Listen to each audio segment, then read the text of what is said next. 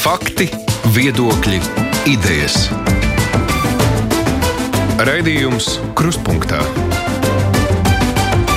ar izpratni par būtisko. Studijā Mārija Ansone reiz nedēļā uz kruspunktā aicinām amatpersonas, lai tās iztaujātu kopā ar žurnālistiem un klausītājiem, un šoreiz jautājumu spektrs varēs būt gana plašs, gan par ārkārtas stāvokļa beigām, ierobežojumiem, atbalstu uzņēmējiem, atbalstu veselības aprūpē, arī citiem jautājumiem, jo šodien kruspunktā studijā attālināti ir premjeras Krišāns Kariņš. Labdien! Labdien! Kopā ar mums ir arī žurnālisti Inga Šņora no Latvijas televīzijas. Sveika! Labdien! Un Gats Suhavēckis no TV3. Sveiks, Gati! Sveika, Māra!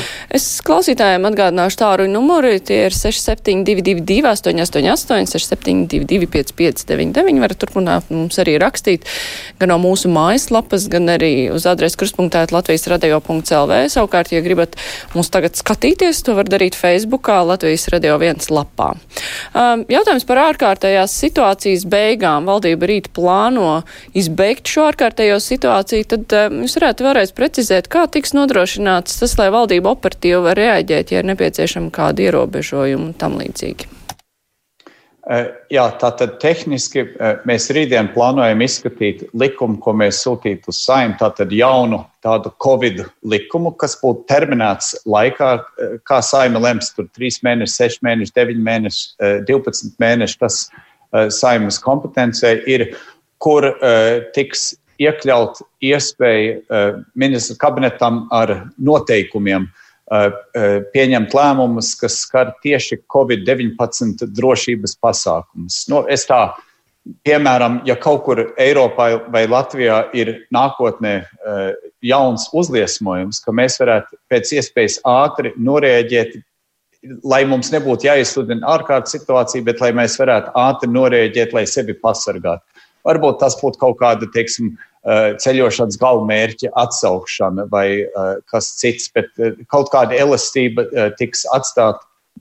Kabinets varētu operatīvi rīkoties, bet mēs vairs nebūtu ārkārtas situācijā, ka pilnā mērogā teiksim, parlamentārā uzraudzība, kas jau visu laiku faktiski ir, viņi tiešām ir, bet ka pilnībā uh, visa tā pamatvara uh, aiziet saimai un valdība turpināt strādāt kāda normāla izpildvara. Bet jūs minējāt 3, 6, 9, 12 mēneši, kas ir jāizlemj saimai, bet valdībai droši vien ir ieteikums, cik ilgi jums šķiet, ka vajadzētu tādu? Uh, nu, to es gaidu redzēt, ko veselības ministrija rītdien tad būs ieteikusi. Es faktiski jau nezinu, kas tas ieteikums ir.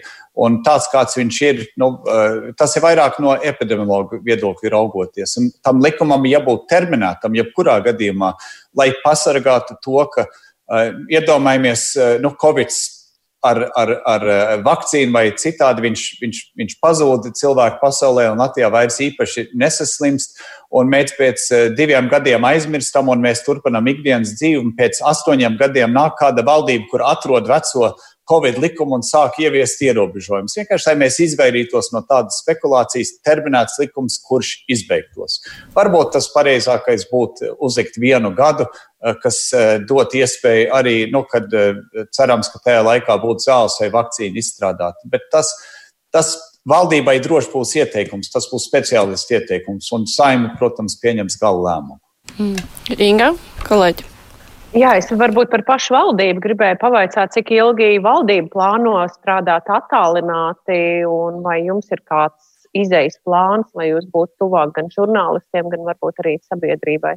À, nu, ir, ir vispār tas ir, es domāju, nedaudz debatējums. Es konstatēju vienu lietu, ka šīs attālinātās sēdēs mums ir ļoti viegli pieaicinātās personas uzklausīt. Kad, teiksim, ja kāds grib pieslēgties vai, teiksim, atrodas fiziski Valmierā, tajā dienā nav jābrauc no Valmieras uz Rīgu, bet var vienkārši pieslēgties. Tur ir asociācija, dažādi pārstāvji, kas mums nāk visādos jautājumos. Tātad savā ziņā šī attālinātā pieejamība no sabiedrības puses ir plašāka. No žurnālistu puses eh, es tā skatos, ka mūsu preses konferencēs eh, ir krietni vairāk žurnālisti nekā parasti fiziski atnāk uz vietas. Un cik žurnālisti klausās sēdes laikā, to es nespēju eh, izsekot, jo mums ir kādi divi vai trīs ekrāni ar klātesošiem. Es, es nespēju visus tā vienlaikus saredzēt. Tātad no pieejamības viedokļa, no plašās sabiedrības šī attālinātā veids, šis attālinātais veids es, es domāju, ka vienam otram pat ir pieejamāks.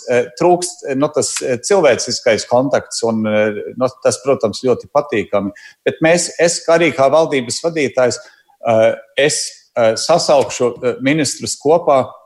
Tiklīdz tas liekas skaidrs, ka tur mums nekāds lielāks risks nav kopā sanākt nekā nesanākt. Bet ir jāatcerās, ka valdības sēdēs nav tikai uh, cik mēs esam 14 laikam kopā ap galdu, bet telpā parasti kurā brīdī ir vairāk kā 50 cilvēki. Un šobrīd nu, tas arī pēc likuma nav atļauts pēc veselības nu, to zinātāju ieteikumu. Tas nav tas vēlamais virziens, bet es varu tā par sevi pateikt, ka es pats esmu dziļi pārsteigts. Es sev vienmēr uzskatu, ka es esmu ļoti uz cilvēkiem orientēts, tā uz āru. Uh, bet izrādās, es esmu tas pats eh, latviešu viensētnieks kaut kur iekšā. Es tīri labi orientējos un labi jūtos arī strādājot šādā vidē. Sev pašam pa pārsteigumu. Gati.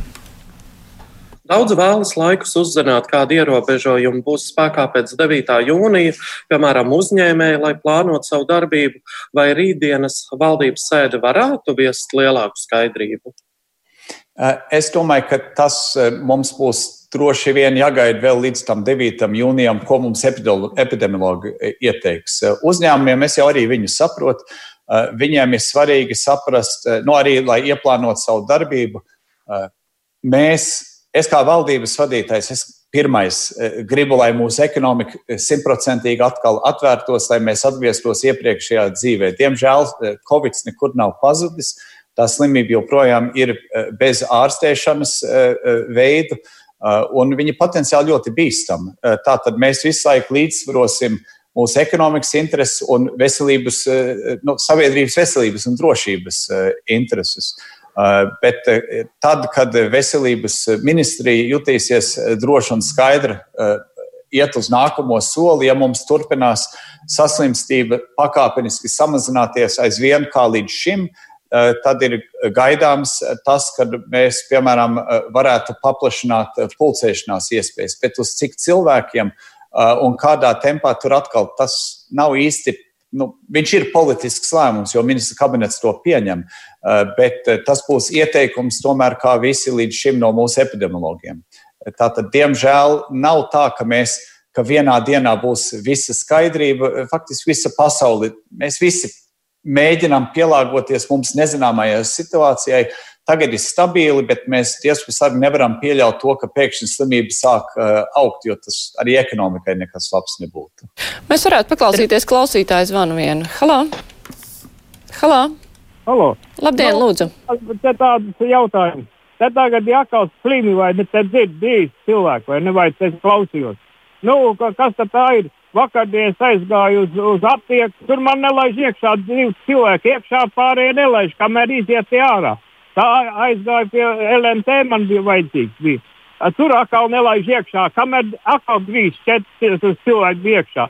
Nu, bet tā, tā, bumbu spēlēt, redz, vai ne, nu, ar to sportu nodarbojās. Tie var visi. Policisti braukā tāpat apkārt, neko nesaka, aizbrauc prom. Nu, nu, kas ar tā padarīšanu?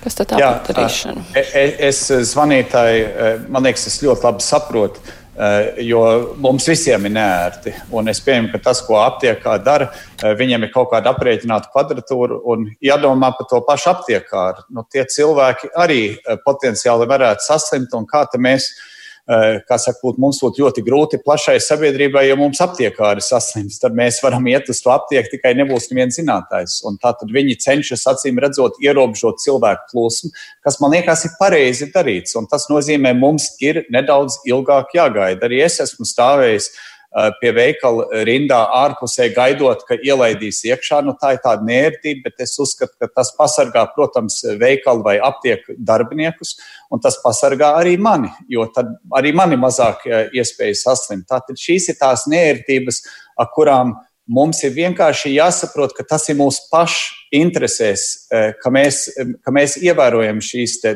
teiksim, attāluma un distances nosacījumus. Tas liekas frustrējoši bet eh, šajā gadījumā tas jau tomēr tikai mūs visus pasargā. Man ir jautājums par stratēģiju Covid-19 krīzes radīto seku mazināšanai.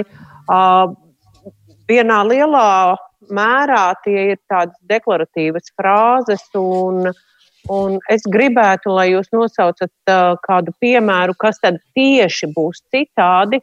Um, jūs skatījumā kādas galvenās lietas izcelt no tā, jo tie ir saukļi šobrīd.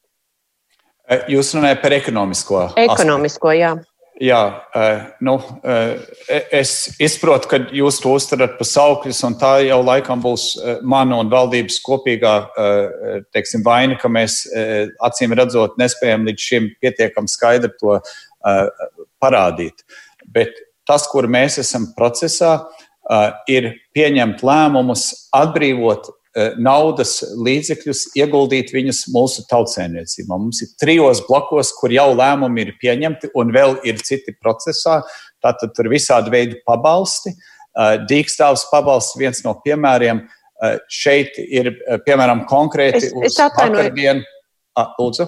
Es atvainojos, ka es pārtraucu. Jā, mēs zinām par dīkstāvs pabalstiem un to, tiem mehānismiem, kas ir iedarbināti. Uh, Man vairāk tā doma par to iziešanu no krīzes caur jauniem instrumentiem, jaunām iespējām, šiem virzieniem, jo tas nav īsti skaidrs. Un, protams, ir rakstīts, ka pāreja no tradicionāliem ražošanas modeļiem uz adaptīviem risinājumiem, piegāžu ķēžu iespējamā saīsināšana, respektīvi lokalizētas, īsākas.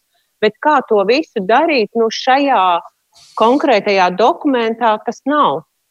E, nē, tas dokuments, ko mēs valdībā e, aizvakar vai vakar pieņēmām, e, tā ir tikai tāda plaša ceļa karte. Tie konkrētie lēmumi sekos, bet, piemēram, tajā modernizācijas sadaļā ir plānots, un tas ir izgājis arī tām saucamām nu, tām darba grupām, kas jāsaprot, tā nav tikai tāda laika tērēšana. Tur ir valdības pārstāvji kopā ar industrijas pārstāvjiem, nu, darba devēji, darba ņēmēji arī tā skaitā. Un tur ir paredzēti finanšu instrumenti, kas, piemēram, ļautu mūsu lielajiem uzņēmumiem aizņemties naudu ilgāk par pieciem gadiem. Teiksim, 10 vai 15 gadu skatījumā, kas nozīmē viņiem, viņiem amortizējās tas iepirkums vai tā investīcija uz ilgāku laiku un padara viņu uzņēmumu konkurētspējīgāk cenu ziņā ar līdzīgām uzņēmumiem pārējā pasaulē. Tas ir tāds daudziem cilvēkiem liekas sarežģīts instruments, bet viņš ir ļoti no svara tā saucamā garā nauda. Tie, kas ir nu, uzņēmēji, tie saprot, ko es runāju, es domāju. Un mēs to konkrēto lēmumu vēl neesam pieņēmuši, jo mēs esam procesā vienoties, kā mēs varētu kopumā ieguldīt apmēram 600 miljonus eiro. Un šis būtu viens no šiem instrumentiem. Tātad visi tie lēmumi, mēs norādām to ceļu kartu, uz ko mēs ejam, un tad pakāpeniski mēs pieņemam lēmumus, kas eh, sāk iepildīt šo ceļu kartu reālu saturu. Mēs nu pat pārdalījām 500 eh, miljonu eiro, e, eh, tas ir vērtībā Eiropas fondas no programmām, kuras mūsuprāt tas nav pārāk auglīgi šobrīd, uz tādām programmām, kas mūsuprāt būtu daudz auglīgākas, e, nu, par, par dažādām ministrijām un nozarēm. Un šā mēs ejam cauri. Mēs, piemēram, arī skatāmies, kā mēs varētu palielināt papildus finansējumu zinātnē, arī tieši lietišķai zinātnē. Tātad līdz šim mēs esam ielikuši iekšā 5 miljonus ta, tieši Covid-19 pētniecībā, bet mēs skatām un mēs cenšamies vienoties, kā mēs varētu vēl vairāk naudu ielikt šajā programmā ar kādu mērķi lai mēs pēdīgi varētu iedot kārtīgu stimulu mūsu valsts, valsts zinātnes, pētniecības un attīstības no nu, tieši attīstībai. Un uh, ir milza, milza programma, kas saistās ar nākamo Eiropas Savienības daudzgadu budžetu. Uh, viņš saucās Apvārsnes 2020. Tā ir vienkārši tas ir nosaukums. Bet tā ir, tā ir Eiropas granti, kas netiek sadalīti pa dalību valstīm, bet tiek sadalīti spējīgiem projektiem. Un, lai mūsu valsts varētu, līdz šim mēs nekad neesam varējuši tikt līdz šiem projektiem, jo mums visi projekti un uh, mūsu iestādes, varētu teikt, ir vienkārši pārāk mazas. Un mēs gribam, mēs meklējam vienoties tagad valdībā, koalīcijā, ka mēs ieliekam kārtīgāku sēklas naudu zinātnē, lai mēs arī varētu nākotnē tikt klāt pie šīm apvāršņu līdzekļiem. Un tas ir, kur ir lielais tas ekonomikas izrāviens, faktiski caur izglītību un zinātni. Un tur mēs arī ieliksim papildus. Tātad 5 miljoni papildus Atcerieties, cik nefinansēta ir mūsu zinātne. Tā jau ir liela nauda. Mēs, ieliksim, mēs meklējam ielikt vēl vairāk. To kopā ar, ar, ar, ar atbalsta mehānismiem, kā mūsu lielajiem, spējīgiem uzņēmumiem padzīt uz leju savu pašizmaksu, stiepjot garumā viņa aizdevumus. Tas padarīs mūs visus konkurētspējīgākus. Tas ir viss tas, kas ieiet iekšā šajā modernizācijas jomā. Tajā pašā laikā tas Air Baltica atbalsts, ko mēs jau esam lēmuši, tas ir domāts tā, lai Air Baltics arī varētu modernizēties un kļūt konkurētspējīgāks. Viņi pāries tikai uz vienu lidaparātu. Viņi tagad tie reisi, kuri atsākās, viņi vairs, cik es saprotu, nelido ne ar tiem propelleru lidmašīnām, ne ar Boeingiem. Viņi pāriet, pāriet pilnībā uz tiem, nu, tiem jauniem, tagad viņi ir ar Airbus, laikam 300. numurs viņiem laikam ir. Viņi pāriet uz, šīm, uz šiem lidaparātiem, tad iedomājieties vienota flote, vienota apmācība gan pilotiem, gan apkalpēji, vienotas rezerves daļas, vienotas servis, tas ļoti palētina. Un šīs ir mašīnas, protams, no vislētākām, tas ir visefektīvākām, kuras šobrīd lido. Tas dos mūsu aviosabiedrībai milzu konkurētspējas priekšrocību pār citiem. Mums klausītāji daudz interesējās par šiem 4,5 miljardiem. Pirmkārt, citēšu, vai tie ir atrasti skapī, tos vajadzēs tomēr kādam atdot. Otrakārt, ja šobrīd jau ir ieguldīta nauda no šiem 4,5 miljardiem, jau ir kaut kas ieguldīts, vai arī tas nāk no šā gada budžeta? Eh, jā, eh, nu, šeit es, es aicinu eh, saka, nedaudz uz pacietību, lai saprastu, kā šī, no kā šī nauda sastāv. Tā tad viena daļa, divi miljardi, gandrīz puse, sastāv no Eiropas fonda pārdala un no mūsu budžeta investīcijām. Tātad liela daļa no tā ir aizņemta nauda. Varētu teikt, pusotrs Uh, miljards no diviem būs aizņemta nauda. Mēs visus tos lēmumus vēl neesam pieņēmuši, bet mēs zinām, ka mēs šeit rezervējam. Tad uh, vēl viens pusotrs miljards uh, ir nauda, ko mēs aizņemsimies, ko mēs aizvietosim neienākošos nodokļus pēc prognozes. Tātad, lai mums nebūtu jāsavelk jostas, un mēs varētu turpināt valsts pildīt savas budžeta saistības, nu, maksāt algas, nevienam nesamazināt algas, turpināt izmaksāt, mums ienāk mazāk nodokļu, ekonomika krīt un ir prognozēta. To mēs tikai redzēsim decembrī, bet tā prognoze šobrīd ir, ka pusotras miljards mums būs papildus jāizņemās, lai turpinātu budžeta izdevumus. Tā ir vēl viena daļa no šī stimula. Un trešā daļa, kas ir viens miljards, tas ir prognozētais uh, privātais līdzfinansējums. Jo, ja mēs uh, dodam pabalstus teiksim, tiem pašiem uzņēmumiem ar tām saucamām garām investīcijām, tā pamatnauda jau nāk no uzņēmuma. Ar valsts uh, naudām mēs vienkārši garantējam to, ka viņi var uz ilgāku laiku aizņemties nekā uz īsāku laiku. Un tas kopējais, tātad 2 miljardi uh, ir investīcijas un Eiropas fonda pārdale, pusotrs miljards ir nodokļu iztrūkuma aizvietošana, un trešais ir 1 miljards privātais līdzfinansējums, kopā sanāk 4,5 miljardi. Un Eh, pret mūsu iekšzemes koproduktu. Tas ir apmēram 15% no mūsu iekšzemes koprodukta vai 45% no mūsu jebkura no ikgada budžeta. Eh, salīdzinājumā ar citām Eiropas valstīm eh, šis ir viens no ievērojamiem stimuliem, kas ir. Ir valstīm, kurām ir lielāks stimuls, Vācijai paredzēts lielāks stimuls, bet Vācijai ir eh, eh, nu, arī eh, cita ekonomika, viņi gadiem ilgi ir uzkrājuši naudu. Mums, diemžēl, šī nauda ir jāizņemās, un mūsu valdībā mums ir tāda jau mantra veidojās aizņemt naudu. Nedrīkst izņemt. Bet tā tīri tā tehniski, tīri tehniski tas, kas tagad jau tiek ieguldīts visos pabalstos, atbalstos, tas nāk no šā gada budžeta.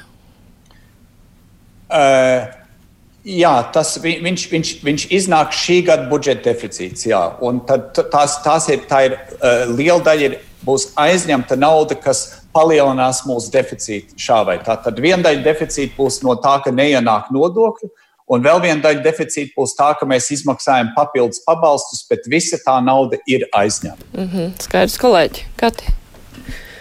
Jūs pieminējāt uh, plānoto nodokļu ieņēmumus. Šā gada pirmajos četros mēnešos pārsteidzošā kārtā nodokļu ieņēmumu plāns ir izpildīts par 98%, it kā Covid krīzes nemaz nebūtu. Kāds ir jūsu skaidrojums? Skaidrojums ir elementārs. Viņš ir, kā es redzu, iedomājieties tādu tankuģi. Es nekad neesmu bijis uz tankuģi, bet mēs visi esam redzējuši filmas, ka tur stūrmans griež stūri un paiet desmit minūtes, kamēr lēnām kuģis maina kursu. Un apmēram tas pats ir ar mūsu valsts budžetu. Ka budžeta ieņēmumi samazināsies ar vēlāku efektu nekā ekonomika iet uz leju. Kāpēc? Jo mums ir budžeta iestādes, kas turpina maksāt. Mums ir uzņēmumi, kuriem šodien krītās pārdošana, bet viņam no, no pērnā mēneša vēl nauda ienāk kā, kā nākdama. Un tas efekts tikai tagad sāk parādīties, ka sāk samazināties vairāk budžeta ieņēmumu. Tātad tas pirmais ir bet viņš jau tāpatās kā ar Covid saslimstību, ka vispirms eh, saslimst cilvēki, un tikai eh, vēlāk mums, diemžēl, parādās mirstība. Un tad, kad cilvēki vairs nesaslims, tad vēl ir iespējams, ka viens otrs vēl varētu nomirt nu, saka, no tā, kas ir bijis. Un budžets arī ar tādu novēlotu efektu. Eh, bet eh, tādās lielās cerībās, ka nebūs nekāds kritums budžetā, nu, es neesmu, es būšu ļoti laimīgs, ja tas kritums būs mazāk, jo tas nozīmē, mums būs mazāk jāuzņemās parāds uz saviem pleciem. Eh, bet mēs esam gatavi uzņemties tā, arī, ja tas kritums būtu lielāks, tad prognozētais 1,5 miljardi Dievs dod, ja viņš ir mazāks, mēs vienkārši būsim ar mazāku parādu slogu, un mēs visi būsim ar to laimīgāk un, un vieglāk arī nākotnē. Mums ļoti ilgi klausītājs zvana, ja nav pazudis. Halā! Halā! Labdien! Labdien, lūdzu! Uh, man ir trīs jautājumi nelieli. Pirmais, vai pēc 9. jūnijā vēl joprojām obligāti būs jānēsā sejas maska vai no policija nevar uzlikt sodu? Otrs, vai vēl joprojām pēc 9. jūnija būs jāietur divu metru distance? Un trešais jautājums, jā, par cik es esmu neredzīgs, ja man pavada kāds pavadons, nu kaut vai jau nav no ģimenes, vai gan man, gan šim pavadonim policija nevar uzlikt sodu, nu, ieraugot, ka mēs nu, ejam kopā un nav divu metru distance, ka cilvēks man pie rokas ved. Paldies! Eh, jā, paldies. Trīs konkrēti jautājumi. Es viņus saprotu. Uh, par divu metru distanci es domāju, ka mums tas būs jāietur. Uh, kāpēc? Lai sevi pasargātu, jo šī slimība nav nekur pazudusi. Tātad distance un roku mazgāšana tas būs pēdējais, uh, no kā mēs atteiksimies. Es domāju, tikai tad, kad būs zāles vai vakcīna šai slimībai. Par sejas vai mutu deguna aizsega, aizsega tie šobrīd ir prasīti sabiedriskajā transportā. Es nezinu, no kurienes zvanītājs, bet es pats vēroju, no nu, es gan divriteni tagad braucu, bet es vēroju Rīgā, skatoties, ja pirms mēneša sabiedriskais transports centrā šķitās tukšs, tad tagad jau viņš ļoti pildās, un tas palīdz atkal pasargāt visus Eh, jo tur nevar ievērot šo divu metru distanci. Un kas attiecās uz pavadoni, eh, tas ir tāds specifiskāks jautājums, bet ja, ja tas ir nu, pavadonis eh, nu, nepieciešams cilvēkam, nu, es es saprotu, ka mums ir atruna, ka taču nevar, kā sakt, nu, arestēt vai vērsties pret cilvēku, kuram ir attaisnojams un, un, un tā. Bet visi šie, šie, šie ierobežojumi, viņi lai pareizi saprastu, neviens no viņiem nav pieņemts, lai ierobežotu cilvēks. Viņš ir pieņemts, lai ierobežotu Covid-19 izplatību.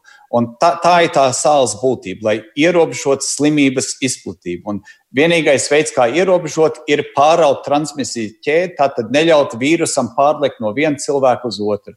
Un tie divi metri un roku mazgāšana, tas ir tas galvenais, kas to palīdz slēgtajās telpās, kur nav iespējams šo divu metru ievērot, kā piemēram sabiedriskajā transportā, e, kā varētu būt, ja, vi, ja viņš ir pilnāks, e, tad e, mute deguna aizseks. Tas nesapar, nesargā valkātāju no otra, bet tas pasargā otru no valkātāja. Respektīvi, mana nu, maska pasargā jūs no tā, ja es gadījumā esmu slims. Un tā grūtība ar slimību, ka ne tikai cilvēki ar simptomiem ir slimi. Bet, diemžēl, arī transmisija var notikt tiem, kam nav simptomu. Tātad mēs nekad nezinām, kurā brīdī mēs esam vai neesam slimi. Un tā, tā jau tā grūtā lieta. Jūs minējāt pirms tam, ka šie, te, šie te miljārdi tiks ieguldīti arī tādos ilgtermiņa pasākumos zinātnē, vai veselības aprūpa arī ir pasākums, kur ieguldīt naudu. Eiropas komisija nor, norādīja, ka tā ir mums vājā vieta arī šajā Covid krīzē. Es domāju, ka tur jau nav nevienai komisijai jānorāda. Mēs paši redzam, ka mums ir eh, krietni daudz kas darāms veselības aprūpē. Eh, tas, Konkrēti mēs... par ārstu algām arī runājot, jo cilvēku resursi arī bija viena no lielajām problēmām.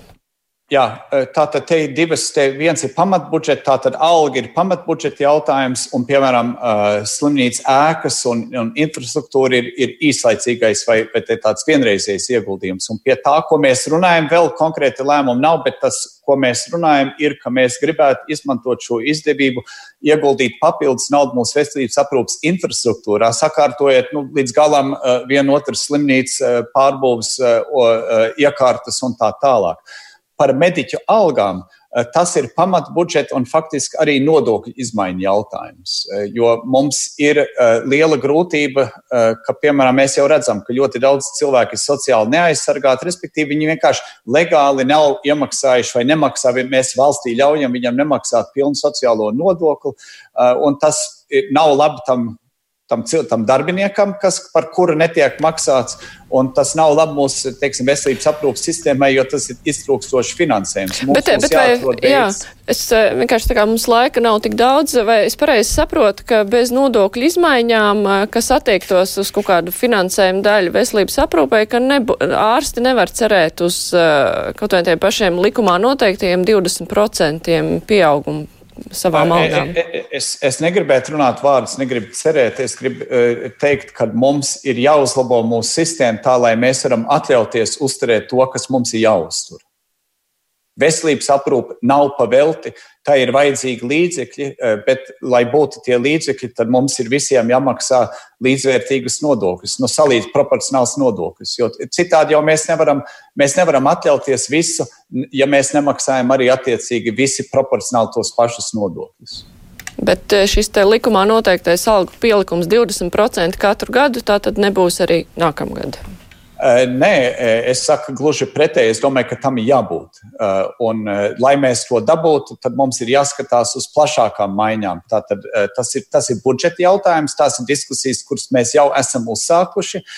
Bet mēs cenšamies tagad vienoties vispirms par tām investīcijām. Tas būtu divu gadu garumā šīs investīcijas. Tātad šie, šie teiksim, nosacītie tie divi miljardi. Tie papildus, kas tiek investēti, tas viss nebūs vienā gadā, tas būs divu gadu plāns. Un tas, protams, ietekmēs budžetu arī, bet mēs arī runājam par to, kā mēs varam pēdīgi atrisināt eh, gan mediķa algu jautājumu, un tad pie viena faktiski arī skolotāja algu jautājumu, jo šie jautājumi velkās, un šī tā reize mums vienreiz to atrisināt.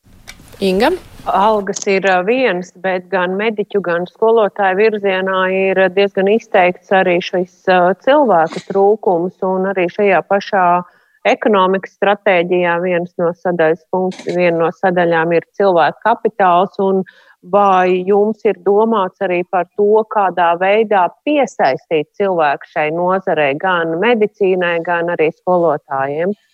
Nu, e, es domāju, ka piesaistīt cilvēkus e, bez, e, bez konkrēti spējīga atalgojuma ir grūti. Tātad, ja mēs atrisināsim, un mums ir jāatrisina atalgojuma jautājums, tad cilvēku piesaistīt kļūst krietni vieglāk. Uh, Bet izglītība šajā kontekstā netiek skatīta, kā, kā uzlabot, lai uh, gribētu studēt, lai tās studijas varbūt būtu patīkamākas. Uh, um, tur viss ir rezidentūras jautājumi un virkne citu jautājumu. Vai tas vispār tiek skatīts šobrīd? Eh, protams, tas tiek skatīts ministrijas līmenī. Eh, tas, ko mēs kopīgā valdības līmenī skatām, ir, kā mēs varam pareizi eh, pārveidot un uzlabot mūsu budžeta un nodokļu sistēmu, lai pietiktu naudas, tā lai šīs lietas arī varētu īstenot. Bet, protams, bet es pats domāju, ka teiksim, izvēlēties būt par skolotāju ir viens, cik patīkamas ir studijas, eh, bet otrs, es domāju, daudz svarīgāks jautājums un, un patīkams studijas, tā tas ir zelta vērts. Protams, es pats esmu bijis students. bet vēl jo svarīgāk ir, kādi būs tie apstākļi pēc tam, tātad darba apstākļi, kādas būs skolas, kāds būs atalgojums, kāda būs šī vide. Un mums arī tur notiek diezgan plašas nu, transformācijas šobrīd. Arī mūsu pamata izglītības un, un vidusskolas izglītības sfērā pārējot uz šo kompetenci un arī daļai izvēles iespējām. Un tas saistās, protams, arī ar fiziskās infrastruktūras pārmaiņām, ar skolu tīklu optimizāciju, kas ir atkal saistīts ar administratīvu teritoriālo reformu. Tātad mēs valstī mums ir jāsaprot, mēs pārējām diezgan, mēs piedzīvojam diezgan daudz pārmaiņas vienlaikus, kas mūs visus nogurdina. Bet no otras puses, Rainis jau mums mācīja, pastāvēs, kas pārvērtīsies. Mums vienkārši tas ir jāturpina darīt, jāturpina iet laikiem līdzi. Lauksaimnieki ir nosūtījuši vēstuli gan ekonomikas ministram, gan zemkopības ministram, un šī vēstule ir adresēta arī jums, kā premjeram. Uh, ar lūgumu ļaut ievest viestrādnieku šovasar, vai valdībā jau šobrīd ir bijušas kādas diskusijas par to, vai tas vispār ir jebkādā veidā risināms? Nē, par šo vienkārši vēl nav bijušas diskusijas. Plānojat? Mums, protams, ja mums nozara prasa, ir jārunā, zemkopības ministrs šo vēl nav cēlis ne pie koalīcijas, ne pie valdības galda. Un ir jautājums, mums ir valstī šobrīd uh, nu, pieauguši bezdarbnieki šajā laikā pa kādiem 17,000. Uh, uh, vai ir reāli, ka kāda daļa no šiem cilvēkiem labprāt strādāt šādus darbus, to es nezinu, bet tur ir viens potenciālais avots. Un es jau, protams, saprotu uzņēmējus. Viņi meklē importēt darba spēku, jo iespējams importētais darba spēks būtu gatavs strādāt par lētāku naudu nekā paša darba spēks. Tā ir mūsu senā dziesma, tur nekas nemainās. Nu, skatīsim, bet mēs to neesam runājuši. Es to nespēju šobrīd komentēt.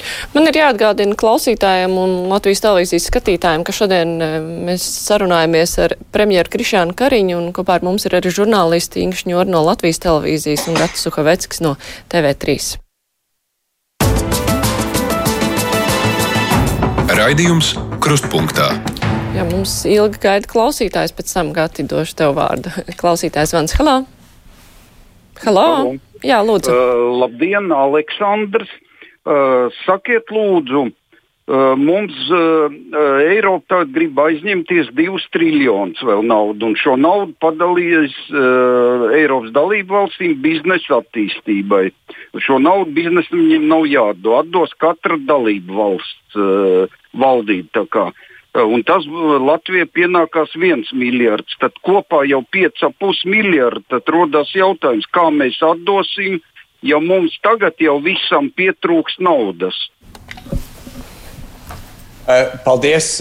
Jūs ļoti ātrīgi sekojat līdzi, bet, ja jūs sekojat rūpīgi, tad līdz šim ir divi dažādi piedāvājumi. Vienu, ko Eiropas komisijas prezidenta piedāvā, Vanderlajens kundze, otra, ko Angela Merkel piedāvā, komēr Emmanuel Macron, Francijas, Vācijas eh, vadītāji. Es esmu runājis ar abiem, tātad Merkels kundze un Vanderlajens kundze, mēģināt saprast, īsti, kas ir īsti atšķirība un kas ir īsti iecerēts. Uh, izskatās, ka tas, ko varētu pieņemt, nav šie te, uh, milzīgie triljoni, bet uh, 500 miljardi, kas arī ir milzu nauda, kas būtu aizņemt naudu, ko Eiropas komisija aizņemt, ko varētu teikt Eh, dalībvalstis garantē ar saviem budžetiem. Nu, tā varētu teikt. Un tā atdošana, eh, bet mēs vēl gaidām, šodien atkal būs eh, preses konference. Neviens lēmums vēl nav pieņemts, tās ir tikai idejas. Bet, ja, to, ja, ja viena vai otra ideja pieņem, tā aizdošana notika interesantā kārtā caur diviem vai trim daudzgadu budžetiem. Un eh, varētu teikt, eh, ar domu, ka neviena dalībvalsts, neviens dalībvalsts nodokļu maksātājs to tiešā veidā neizjustu.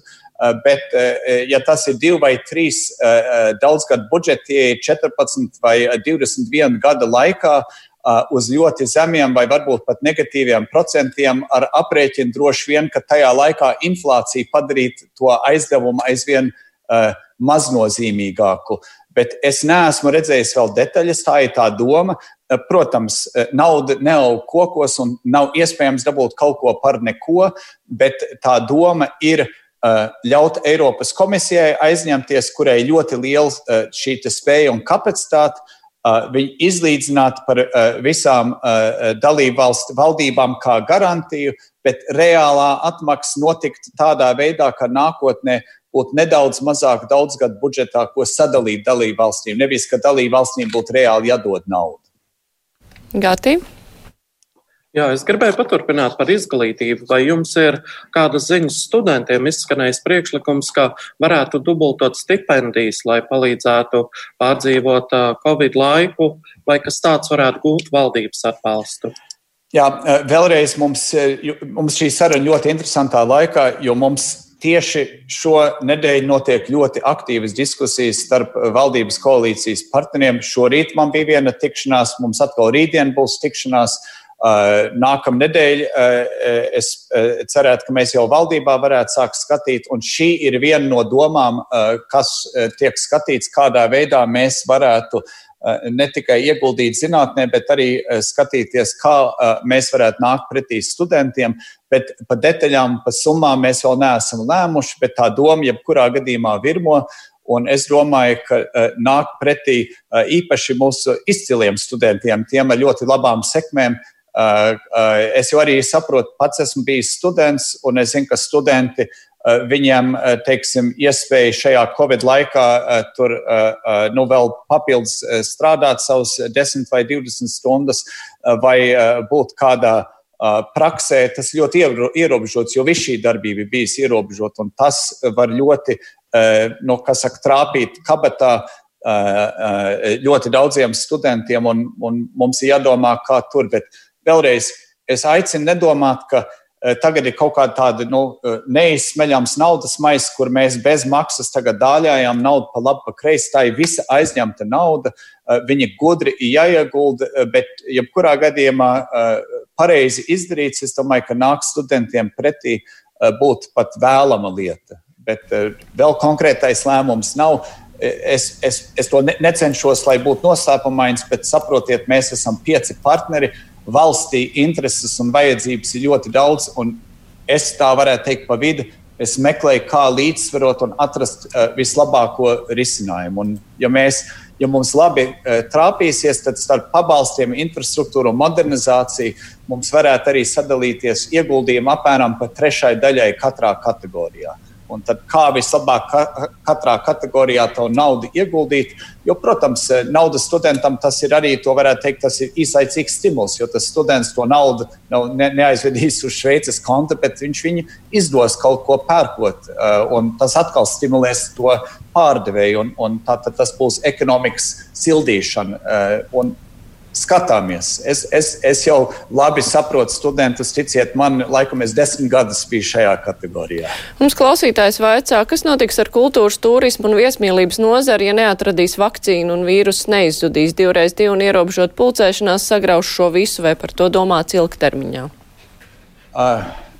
Mums ir jāiemācās sadzīvot ar šo vīrusu. Mēs faktiski pakāpeniski pierādām, ka mēs to varam darīt. Mums jau pāris nedēļas mums ierobežojumi uh, ir uh, krietni vairāk atcelti nekā viņi ir, bet saslimstība nav gājusi uz augšu. Uh, es esmu redzējis, uh, uh, netālu, kur es dzīvoju, ir ārā kinoteātris, kas ir uzsācis. Es saprotu, ka ir arī mākslinieki, kuri ir uzsākuši dažādos veidos rīkot koncertus, kas ir, ir teiksim, epidemioloģiski droši un tā tālāk. Mēs aizvien labāk iemācīsimies, kā sadzīvot. Es arī pats, protams, gaidu, es ļoti labprāt aizēju ar sievu uz teātri vai teātri ko tādu baudīt. Nu, nāks, nāk tagad vasara, tā tad sezona beidzās jebkurā gadījumā. Bet atsākoties sezonai rudenī, mēs varēsim būt atvērti tikai tik tālu, cik Covid mūs ļauj. Un pilnībā uh, uz mūžiem slēgt tas nav iespējami. Tātad mums būs jāatrod viens veids, ja Covid vēl plosās, kā to izdarīt droši. Un eh, tur daudzi cilvēki strādā eh, ar, ar, ar idejām, kā to varētu darīt. Mēs atradīsim. Tātad mums kultūras dzīve nedrīkst, un viņa neapstāsies. Um, viņa nedaudz mainīsies, iespējams. Un uh, Dievs dod, kad ātrāk nekā vēlāk atrod uh, vismaz zāles uh, šim vīrusam, ka mēs varētu atgriezties pilnībā vairāk ierastajā dzīvē. Mums viens klausītājs zvans vēl. Halo! Labdien! Labdien. Es gribēju pajautāt, kāpēc veidojās tādas konflikta situācijas ar iekšlietu ministru. Ja salīdzina ar iepriekšējo ministru, tad nu, šis ministrs ir kā diena pret nakts par labu ģirģenam. Paldies! Pagājušajā uh, nedēļā arī mūsu raidījumā iekšlietu ministrs teica, ka, viņš, ka viņam nav iespējams ar jums satikties. Uh, vēlreiz. Uh, Es, es saprotu, zvanītāji, viņai patīk ministrs, un, un, un tā ir pavisam normāla un laba parādība. Man arī tīri labi patīk visi ministri, kas valdībā strādā. Bet reizēm katrs ministrs ir arī politiķis, un katrs politiķis neizbēgami centīsies kaut kur sevi pacelt, un reizēm mēs cenšamies sevi pacelt uz cita rēķina. Es domāju, tas nav labs veids, kā sadarboties. Uh, Bet nu, tā ir dzīve. Eh, jebkurā gadījumā es ar Girģenu kungu pavisam nesen, vakar, aizvakar mums bija kārtējā tikšanās, un eh, mēs diezgan daudz eh, viens ar otru runājam. Bet es arī Girģenu kungu labi saprotu, viņš pārstāv nozari, kur ilgstoši ir ļoti daudz grūtību, tā skaitā finansējuma grūtība, un tā jau ir viņa lielā raize. Es to raizi ļoti labi saprotu un cenšos ar viņu strādāt kopā, kopā ar citiem ministriem, kā to atrisināt. Bet viņ, viņam ir liela atbildība uz pleciem, kā visiem. Nu, ja kāds vēršās pret mani, es nekādīgi nevērsīšos pret viņu. Faktiski es uzskatu, ka mēs e, labi sadarbojamies. Bet jūs, ja nebijāt, ap, jūs nebijāt apmierināts ar viņu paskaidrojumu par 9. māju. Ministrs uzskata, ka viss ir izdarīts pareizi. Tas nozīmē, ka identiskā situācijā rezultāts būs tas pats. Tas tā arī paliks? E, vēl, vēlreiz, e, to es arī teicu, ka tā, tā grūtība ir tā ka trūk tāda skaidrība, skaidra komunikācija eh, pirms eh, visa pasākuma. Un tas, tas, ka valsts policija un, un pašvaldības policija, ka tie cilvēki, kas ir, ir, kam ir uzdevumi, ka viņi strādā godprātīgi, to vispār nav jautājums. Bet jautājums, kādā veidā mēs komunicējam sabiedrībai, ko mēs no sabiedrības sagaidām. Un, piemēram, visā šajā Covid situācijā es pats un veselības ministra mēs esam pavadījuši ārkārtīgi, nu, vismaz cenšamies eh, pavadīt, eh, esam daudz laika runājot eh, cauri presi ar sabiedrību, skaidrojot, ko mēs darām un kāpēc mēs to darām. Un šajā te, gadījumā drusku iztrūka, manuprāt, tas skaidrojums sabiedrībai, kāpēc mēs nedodamies uz svinībām. Un mēs nedodamies uz svinībām ne, ne politiskiem iemeslu dēļ, bet epidemioloģiskiem iemeslu dēļ. Un tur varēja labāk šo skaidrot, jo tas jau ir ļoti sāpīgs datums. Teiksim, tieši latviešiem un mūsu valsts piedarīgiem, kas labi izprot vēsturi. Un viņš jau ir lādēts uh, tur. Tieši tā ir, tas ir komunikācijas veids. Un mēs varam vienmēr, es jau pirmais uzskatu, kad ir jāuzlabo un jāuzlabo skaidrojumi. Es, es piemēram, no Šnoras kundzes jūs jautājums nu, par to, ka jūs nesapratāt, ko, kas ir ar tiem ieguldījumiem. Es uzskatu, ka tā ir mana problēma, ka jūs nesaprotat. Nevis jūs, es neesmu pietiekami labi skaidrojis. Tāpat Nē, tas, tas ja plāns ir diezgan deklaratīvs. Es tomēr tur pietiekams konkrētības neredzu. Ne, nu, man, man, man ir arī acu priekšā. Es ceru, ka sekos ļoti konstruktīva rīcība, lai visus šos punktus uh, konkretizētu un izpildītu. Tepat ir tāda vadības grupa, kādā veidā to būtu jādara, uzzīmēta. Un, un, un īstenībā tas man arī liek uzdot jautājumu, cik tālu jūs paļaujaties uz saviem sociālajiem partneriem LDDK un LTRK uh, uz to, vai nu, viņi tomēr pārstāv ļoti dažādas intereses. Un vai vienas intereses neprevalē pār citām, cik tālu viņiem varat uzticēties? Nu, eh, mums jau nav eh, daudz kam citam, kam uzticēties tādā ziņā, ka mums eh, ir jāmeklē runāt ar darbdevējiem un darbņēmējiem, un viņi paši ir izvēlējušies, izveidojuši savas institūcijas, un viņiem ir savi pārstāvi. Bet viņi piedalās visos līmeņos, darba grupās un valdības sēdēs. Viņi abi tiek uh, visu laiku uzklausīti, un mēs uzskatām, ka labs lēmums ir tāds, ka ne tikai valdības ministri piekrīt, bet arī darbdevēji un darbņēmēji piekrīt, ka ir atrasts kaut kāds vidusceļš. Uh, mēs nu pat tās vakardien uh, pieņēmām, mēs nosūtījām uz saimu norīkojuma direktīva, tātad Eiropas Savienības norīkojuma direktīvas iemiesojuma mūsu likumdošanā, kur darbņēmējiem un darbdevējiem bija pretēji viedokļi vienā konkrētā punktā. Tur par, par dienas naudas kompensācijām vai komandējuma naudas kompensācijām. Vieni gribēja, ka kompensācija būtu nulle, otri gribēja, ka kompensācija būtu 100%, un tāds kompromiss, kas tika piedāvāts, ir 30%, kas Katrs ir nedaudz neapmierināts, un tā diskusija turpinās saimā, bet mēs ļoti, ļoti paļaujamies uz mūsu partneriem. Uh, uh, es uzskatu, ka mūsu valdībai ir ļoti liela priekšrocība pār daudzām valstu valdībām, ka mums ir labi attīstīta šī sadarbība ar sociālajiem partneriem.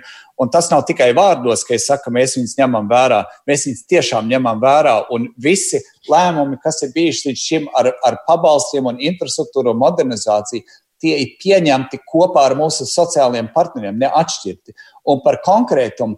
Eh, man te acu priekšā ir eh, nu, tajā eh, programmā Excel tabula ar 71 rindu ar ļoti detalizētiem cipariem, par kuriem mēs vēl runājam. Mēs neesam vēl par visiem cipariem vienojušies, bet tur ir ļoti detalizēti. Tiklīdz mēs būsim gatavi vienojušies, es būšu laimīgākais cilvēks valstī, jo tad man pēdīgi es varēšu publiskot to, ko mēs visu laiku cenšamies. Tas ir sarežģīts process, un, un tāpēc iznāk, ka no vienas puses es labprāt klusētu līdz kamēr ir lēmums, bet vakumā neviens nevar dzīvot, jo dzīve ir dinamiska. Un tas ir tas, ko es cenšos detalizēt. Es diezgan labi zinu. Es arī zinu visas, kā saka, zemūdens akmeņus, kurus es cenšos nedaudz nogludināt uz ārā. Bet ticiet man, viņi jau ir kā jebkurā valdībā.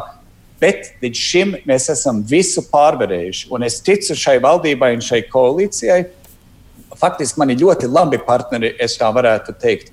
Jo uh, uh, galu beigās visi līdz šim ir pierādījuši pilnu gatavību iet uz zinām veidu kompromisu, kas ir nepieciešams mūsu sabiedrībai. Jo mēs jau esam ievēlēti, tāda sabiedrība ir, viņa ir diezgan daudzšķautnaina. Tas nav nekas slikts. Slikti ir, ja mēs katrs stāvam tikai pa sevi un neieklausāmies otrā, bet kamēr mēs ieklausāmies, atradīsim risinājumu. Un tas ir ne tikai starp politiskiem partneriem, bet darbdevēji, darbņēmēji. Viņi jau e, varbūt paši tā nejūtās, bet viņi jau arī iznāk, kā sēž ap to pašu koalīcijas galdu gandrīz. Gati. Es gribēju paturpināt, ko viens no klausītājiem minēja, kas notiek ar atbalstu kultūras nozarei, kad ir gaidāmi kādi lēmumi. Un otrs par viesmīlību. Ko jūs domājat par uh, priekšlikumu ieviest 5% samazināto PVN likmi viesnīcām un ēdināšanā? Jā, tad pirmais par tām abām nozarēm. Atbalsts šīm nozarēm būs. Mums jau šorīt bija diskusija par to pašu. Tieši šobrīd man liekas, ka mēs esam šajā raidījumā. Eh, tad Vitsenberga Jāna ekonomikas ministrijas darba grupa strādā, un viņam ir viens eh, eh, uzlabots vai jauns konkrēts priekšlikums, kā nākt turismu nozarei pretī. Un es zinu, ka Puntuļa kungam ir ierosinājums, kā mēs varētu kultūras nozarei nākt pretī. Mums vēl ir jāvienojās par tām detaļām un jāsaliek kopā ar visu pārējo. Tātad tur atbalsts būs tikai jautājums vēl kāds. Tagad par 5%. Tā, tas mīnus ar 5% ir tāds, ka, ja nav apmeklētāju restorānā vai, vai nu, turismu uh, mītnē, tad 5% no nulli tāpat tās nulli. Nu, tā kā 12, tā kā 21%. Tas varētu neienest labumu.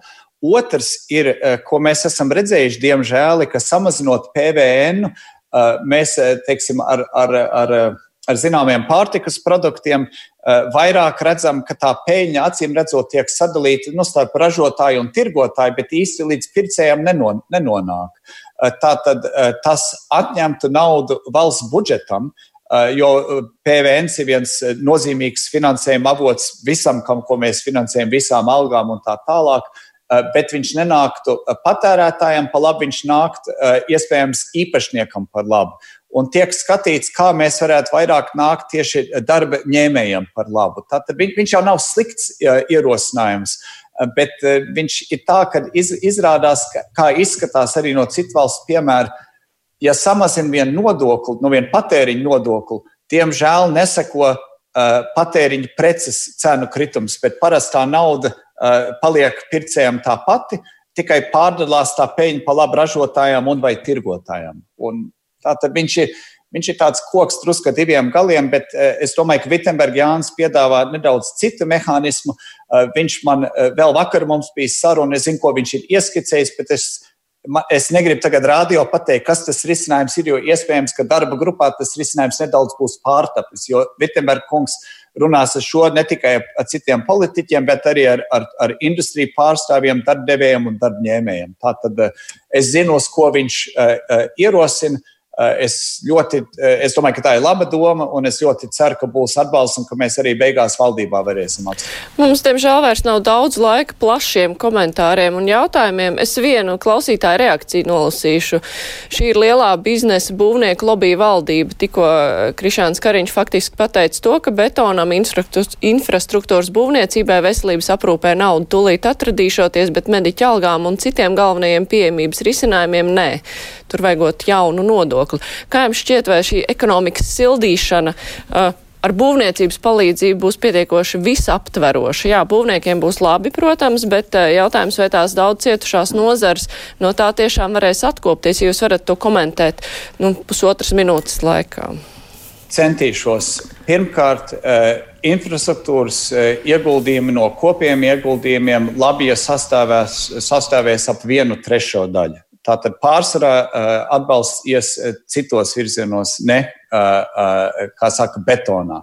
Bet ēku celtniecība vai iekārtas iepirkšana ir vienreizējs ieguldījums.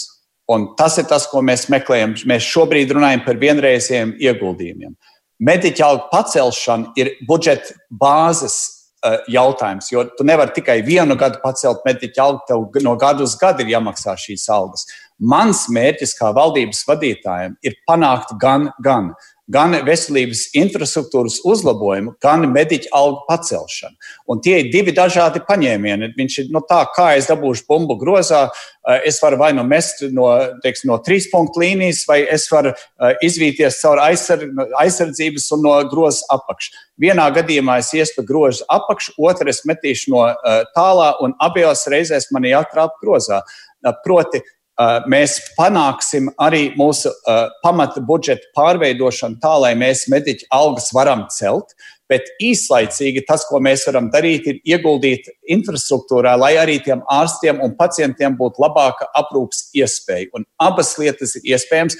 Viņš nav vainu vainu, tikai īslaicīgi ir tas, kas ir vienreizējs ieguldījums. Un mēs tā saprotam, ja es nopērku jaunu automašīnu, tas nav ieguldījums, tas ir patēriņš, jo tā automašīna noplīsīs, maksās dārgi, bet, ja es nopērku dzīvokli, tā ir investīcija. Jā, tā nu tad doma ir skaidra. Un pamats. Un, un pamats algas jā. nav investīcijas, algas ir pamatā. pamats. Paldies Krišānam Kariņam, premjeram, eh, kurš piedalījās mūsu raidījumā, arī žurnālistiem Ingēšu Norē no Latvijas televīzijas, Gatim Suhaveckim no uh, eh, TV3 ziņām. Kruspunktā ar to izskan raidījumu producēja Evi Junām, studijā bija Mārija Ansona. Vislabāk!